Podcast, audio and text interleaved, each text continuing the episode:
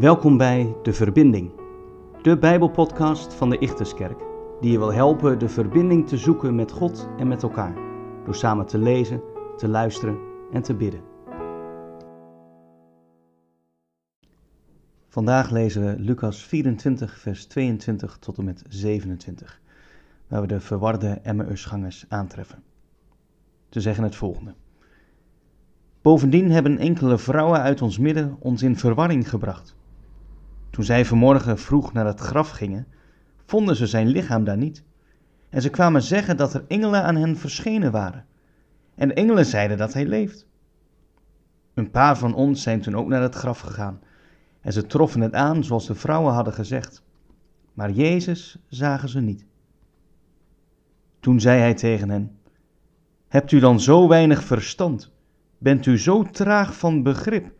dat u niet gelooft in alles wat de profeten gezegd hebben? Moest de Messias al het lijden niet ondergaan om zijn glorie binnen te gaan? Daarna verklaarde hij hun wat er in al de schriften over hem geschreven stond. En hij begon bij Mozes en bij de profeten. Achteraf is het altijd makkelijk praten. Dan weet je waarom dingen zo gelopen zijn, of dat het toch allemaal weer goed gekomen is.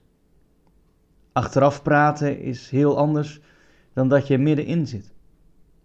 We moeten dan ook niet te hard oordelen over de Emmausgangers, die de boodschap dat Jezus leeft zomaar naar zich neer hebben gelegd.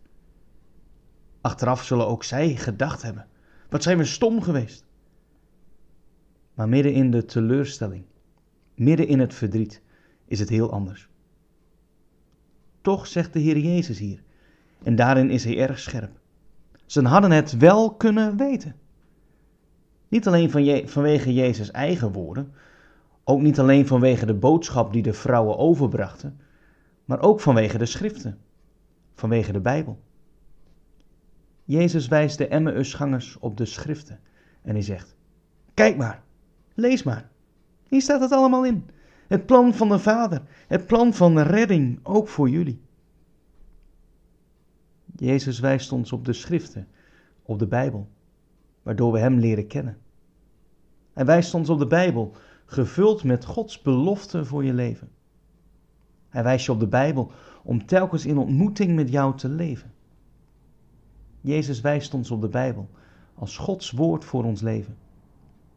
Niet een woord om maar in te gaan strepen van wat ik wel en niet relevant vind, maar een woord om te omarmen, te aanvaarden en uit te leven. Zo wijst Jezus ons op de Bijbel vandaag. Wat doe je ermee? Laat je dicht of doe je hem open? Dank u wel, Heere God, dat u zichzelf en ons bekend maakt als de God van ontmoeting en verbinding. De God die tot ons wil spreken en dat wil doen door zijn woord. Help me om uw woorden te lezen, te begrijpen en eruit te leven. Amen.